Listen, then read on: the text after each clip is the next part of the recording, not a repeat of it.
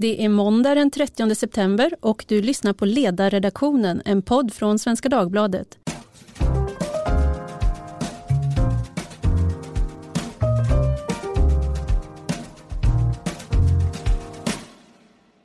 Jag heter Tove Livendal och idag ska vi tala om det bästa vi vet, Sverige.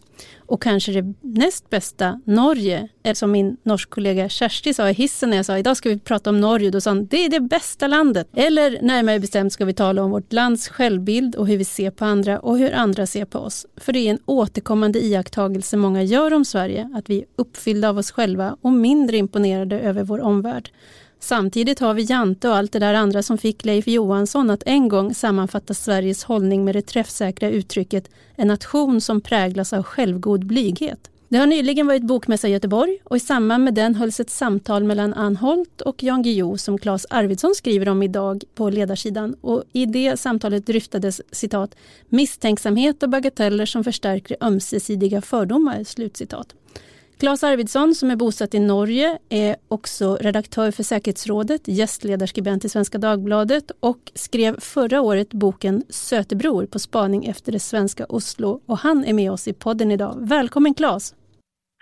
Tack så mycket Tove och också uppskattat att du nämnde min bok som jag kan rekommendera för läsning. Ja, den rekommenderar vi allihopa här. Här i studion sitter också Jan-Erik Larsson, gästbloggare på ledarsidan som återkommande rapporterar om norsk politik och mycket annat. Varmt välkommen! Tack så hemskt mycket! Och här finns också min kollega Maria Ludvigsson som har bott och arbetat i Norge under en tid och sen återvandrat till Sverige. Det är vi mycket glada för. Välkommen! Tack! Jag tänkte att vi skulle både tala om de här bilderna vi har av varandras länder men, och hur de upprätthålls men också om de faktiska skillnader som finns. Claes, du skriver så här idag. Det har närmast fått något rituellt över sig att beskriva relationen mellan Sverige och Norge som präglad av en självförstärkande oförståelighet inför den andre. Claes, varför gör vi den här riten?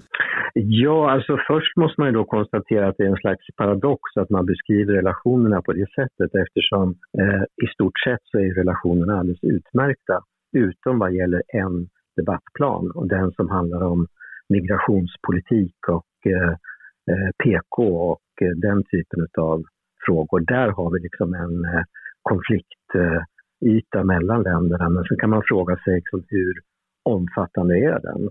Men den finns där och den har naturligtvis många bottnar och jag prövar att lyfta en del perspektiv i den här artikeln. Men ett perspektiv eh, som är värt att komma ihåg det är då att att man både i Sverige och i Norge vill se på sig själva som moraliska stormakter.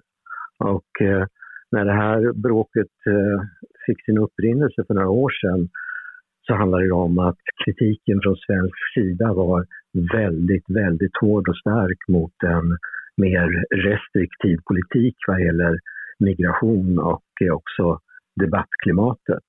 Alltså man var väldigt fördömande och eh, kan man väl säga om man vill förenkla lite grann att nu ger man från norsk sida eh, igen för gammal ost och med en eh, hel del Eh, skadeglädje. För vi har bland annat så har ju vår kollega Iver Arpi skrivit om att Norge ändå var före Sverige att komma in i diskussionen till, kring till exempel terrorlagstiftning. Att det, och jag minns när jag intervjuade eh, norska utrikesministern Ine-Marie Eriksson så sa hon, berättade hon om de här där vi våndas över det här med skolavslutningar, vad, vad vi ska göra, så hade hon en mer avslappnad attityd att det har man ingen eh, skada av att fira skolavslutningar i kyrkor. Att det verkade på något sätt som de har gått in i svåra frågor mycket mer frimodigt i, i Norge. Jag vet inte om det stämmer.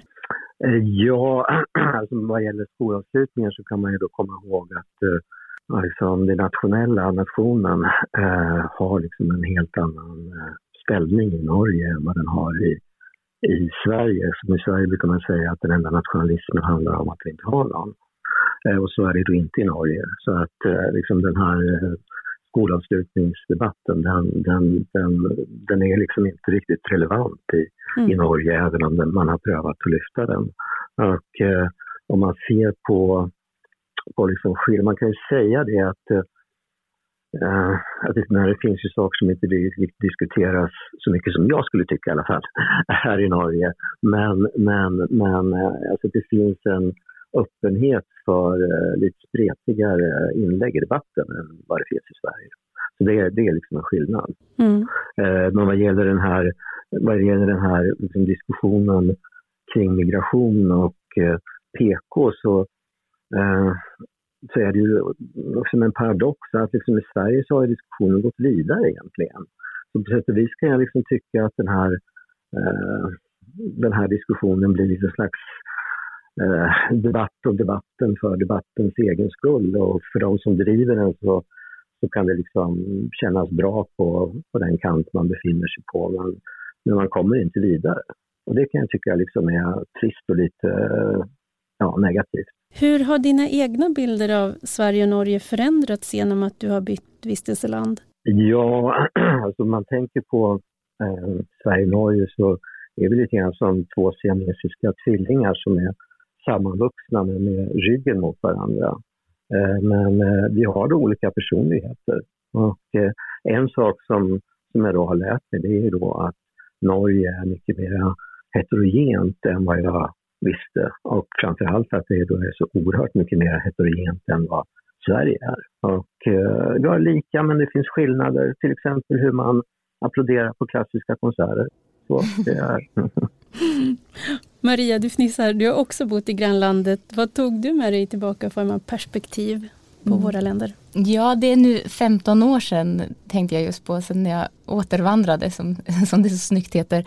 Eh, ja, när jag arbetade där så, eller var där så jobbade jag med uppstarten av Civita som är den norska motsvarigheten till Timbro, en think tank. Och det var deras första tänketank som inte var socialistisk. Jag upplevde nog eh, mm, klimatet, debattklimatet där som om möjligt ännu mer konsensussökande än i Sverige. Och det här som jag vet både Jan-Erik och Claes återkommer till att man törs mer politiskt där så upplevde jag det precis tvärtom. Att det var, det var något oerhört att påstå att till exempel att friskolor skulle få finnas. Att man skulle ha något som kallas för skolcheck. Och, Eh, och, och överhuvudtaget synen på elitism, alltså att man kan, man kan faktiskt tillåta att de som är bättre får gå före och så vidare. Det finns ju inom idrotten i Norge i hög grad men inte, inte i samhället i övrigt. Det, det minns jag att jag tyckte jag blev lite besviken. Jag trodde att nu skulle jag komma till ett frihetligt land och slåss för friheten och så var det nästan ännu svårare. Än det var den sista Sovjetstaten. Ja, det var någon som sa det. Jag är inte långt härifrån. Så det var ett perspektiv. Men, men sen får man ju med sig också, det är skillnader som Claes säger. Jag minns att jag försökte på några ironiska skämt och det föll platt. Jag kanske inte var rolig, men ironi var inte det som rockade. ja, liksom en sån här paradox med Norge, det är att det, det liksom både är mer individualistiskt än vad Sverige är, men samtidigt är det mer egalitärt. Precis, det är väldigt, eh, men det egalitära och det här, det är också det här att vi är överens, det tycker jag man understryker hela tiden och jag funderar på, många diskussioner landade ändå till slut säger och var var det under krigen? Alltså man ska inte underskatta eh, det här att faktiskt ha ett kollektivt minne av ett krig. De flesta mm. har gamla släktingar som var med och det där finns med hela tiden och när man kommer så långt i diskussionen då kände jag alltid att det här har jag faktiskt en respekt mm. för mm. och någonting som jag inte riktigt kan begripa. Mm. Alltså gäller, gäller kriget och, och liksom Sverige så, så är det då lite tråkigt att man minns fel, för att uttrycka sig lite rått. Att man inte riktigt, uh, man sitter fast vid liksom tanken på det svenska sveket och mm. ser inte liksom hur den svenska situationen var då och, uh, och, och, och, det som Sverige faktiskt bidrog uh, i förhållande till Norge under ockupationstiden som, eh, som, som man tenderar att glömma bort tyvärr. Jan-Erik, du skriver ju ofta om norsk politik i jämförelse med den svenska och du tittar ju också naturligtvis på våra andra grannländer här i Norden. Vad tycker du är det mest intressanta om man tittar på Norge? Vad skiljer vi oss mest? Jag, jag tycker det, det här med nationalismen är oerhört viktigt. Jag menar, orsaken till att har mött den här reaktionen mot att uh, tänka annorlunda det är ju att norsk politik har ju alltid utspelats i centrum. Vi har aldrig haft haft en så stor spännvidd som vi haft i, i Sverige och det, det, det spelar roll. Men samtidigt så har ju jag har ju följt norsk debatt sedan 60-talet. Den har ju också varit mycket mer avspänd. Jag menar, ta den här frågan om migration och eh, integration och så vidare. Den har ju funnits sedan 60-talet när pakistanerna kom och så vidare. Och den, den, det har varit den har varit mindre uppjagad och mindre polariserande än i Sverige. Den har inte varit så politiskt polariserande tills Carl I Hagen och Fremskrittspartiet polariserade och skapade det här nya, nya Fremskrittspartiet där han både slängde ut alla extremister och hittade en, en, en linje som kanske liknar det som eh, Sverigedemokraterna nu håller på att få i svensk politik. Liksom att vara, så att säga, vara en, en, en vad som upplevs som mer än som en mitten, mittenlinje. Claes skriver idag i sin artikel om den svenska reaktionen på när Erna Solberg och Höjre bildade regering med Fremskrittspartiet. Och det lät ju väldigt högt ifrån Sverige Eh, Jan-Erik, blev Norge ett fascistiskt land? Nej, det blev det inte alls och, och jag tror att det, det, var oerhört bra för, för Norge och för nordisk politik med detta på samma sätt som det varit bra i Danmark att det danska folkeparti har spelat en mycket större roll i centrum av dansk politik. Att, så att, säga, att försöka skjuta ut ett parti till ytterkanten stärker det och förvränger debatten och eh, gör att många använder argument som inte är seriösa. Mm. Claes, lever du i ett fascistiskt land? inte vad jag märkt, men å andra sidan så, så kan man ju som invandrare leva lite isolerat. Men, ett parallellsamhälle. ja, exakt. Men eh, bara för att eh, liksom understryka det som Jan-Erik säger så, så kan man ju se ganska tydligt, alltså men i Sverige så kanske man då har bilden av FRP som Sylvie Listhaug. Men om man ser på hur partiet har utvecklat sig under de här åren så kan man ju säga att man då har gått mer mot centrum. Men nog har det också funnits även i Norge, så alltså jag tänker på den här, nu får ni påminna mig om vilka årtal det var, när Höyre faktiskt var det största partiet, men det var inte på tanke att de skulle få statsministerposten, utan det fick KRF och det, och det, är inte så länge sedan, alltså det är nutid som man tyckte att bara motsvarande parti då till Moderaterna, de kan ju verkligen inte ha statsministerposten, det blir för extremt. Nej, men eh, så är det inte längre. det har gått över. Sam, samtidigt så är det ju alltså, sådana saker som jag på min, eh, liksom mitt värderingsperspektiv då kan liksom se, jag menar, alltså, man, staten har en så otroligt dominerande roll i Norge och det pratar man i stort sett inte om för att ta ett exempel då. Eller om man nu ser på de liksom, vänstervindar som blåser nu där, där liksom konkurrensutsättning av, eh, av, eh, inom offentlig sektor är bara nedfulas så är det, ja, det är politiska vindar som är ganska dystra. Mm. För där kände jag, jag och Jan-Erik har ju ett förflutet på Svenskt Näringsliv tillsammans och när vi träffade våra, vår systerorganisation där så hade ju den en lite annan inställning till politiken än vad man hade i Sverige. Det var väldigt lite konfrontation och väldigt mycket samförstånd. Precis. Det var Kåre Willoch 81 som var den första högre statsministern så att det var ju faktiskt bara fem år efter, att, eh, efter Fälldin. Så att eh, Norge låg före redan då. Strax före. Maria, du sitter ju bredvid mig på kontoret och jag hör ibland hur du suckar högt eh, över den journalistiska inställningen till andra länder som märks i vilka vinklar man väljer nu. Och den känns ju också ganska förutsägbar ibland. Nu har vi bland annat, har ju den svenska rapporteringen verkligen tagit fasta på att de gröna har gått fram i Österrike. Mm. Kanske Kurz omval ändå skulle skattas högre nyhetsmässigt men det blir det var kanske inte oväntat att se den vinkeln. Och ibland så, så ser vi i svenska medier rapportera att kvoteringen i Norge har varit framgångsrik. Vad är det du suckar över? Jo men det är väl just detta eh, självbespeglande. Vi använder andra länder eller utrikespolitik eh, för att eh, driva inrikespolitik eller inrikesagenda. Detta här med kvoteringen till bolagsstyrelser i Norge har vi, det vevas varenda år 8 mars att i Norge funkar det ju se så bra det har gått där. Och det, jo, det kan man ju ifrågasätta. Vill vi verkligen titta på vad som hände i Norge där så ser man att man införde alltså en sanktion som skulle tvångslikvidera de företag eller de bolag som inte hade 40-60 i bolagsstyrelserna.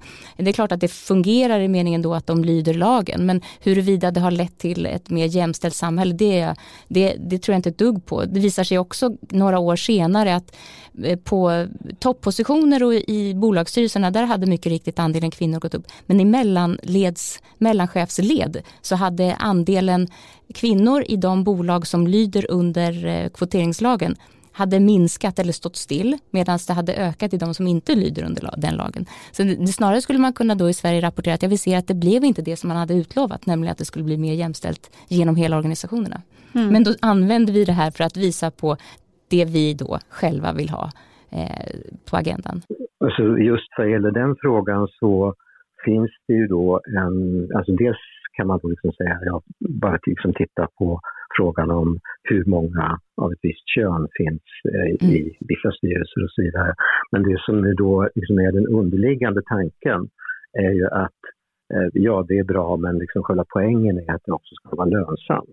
Mm att göra på det här sättet. Och, eh, och där finns det då i Norge liksom en, trots allt liksom en levande diskussion kring liksom, funkar det eller funkar det inte?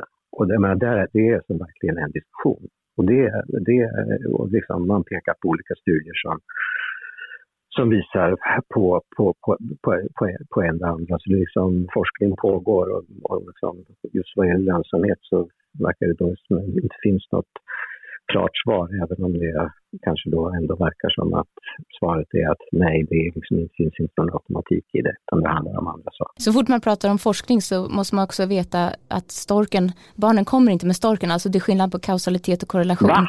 Va? Va? ja, jag vet. Hate to break it. Korrelation kan vara att det samverkar, det händer samtidigt med kausalitet eller när det följer därav. Ni förstår vad annat. som händer, det är en poddbävning som just nu äger rum. Jag tänker, Claes och Jan-Erik, med lite utblick apropå det här som vi pratar om, om medierna och journalistikens styrkor och svagheter. Jan-Erik, du har ju bott i USA också och eh, läser ju daglig internationell press med en Ja, imponerande räckvidd. Eh, om man tittar på svenska medier generellt när det gäller mångsidighet i betraktelsen av oss själva och andra länder, hur klarar vi oss?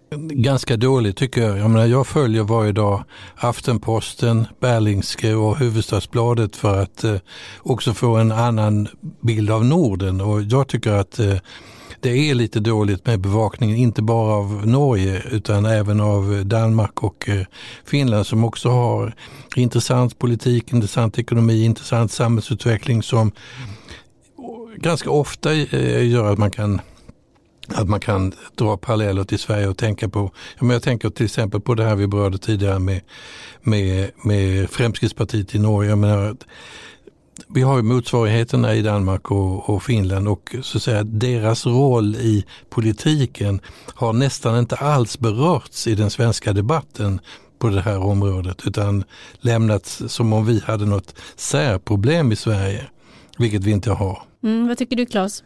Ja, det är klart att det kunde, kunde vara mycket bättre. Alltså dels så kan man ju se att det finns liksom en styrning utefter vad som är i det Eh, internationella blickfånget eh, men också vad som är liksom det rådande svenska perspektivet. Och, eh, ibland så, ja, så ligger det väl några sån här liksom, åsiktskorridor rapportering över rapporteringen också. Så att, eh, då kan det bli väldigt mycket bättre. Men det är också sådär en resursfråga och eh, ja, också liksom intressefråga vad läsarna är intresserade av och sådär. Så det slags dilemma.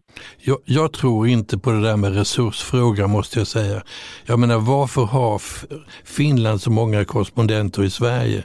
Varför har Norge så många korrespondenter i Sverige? Varför, varför, om man följer norsk eh, radio eller tv så ser man att där behandlas Sverige och de andra nordiska länderna som ja, andra länder medan Sverige har liksom ställts vid sidan om USA och Storbritannien Storbritannien. Det är liksom den, den moraliska stormakten men, men intresset för vad som händer är, är begränsat här, mm. tror jag.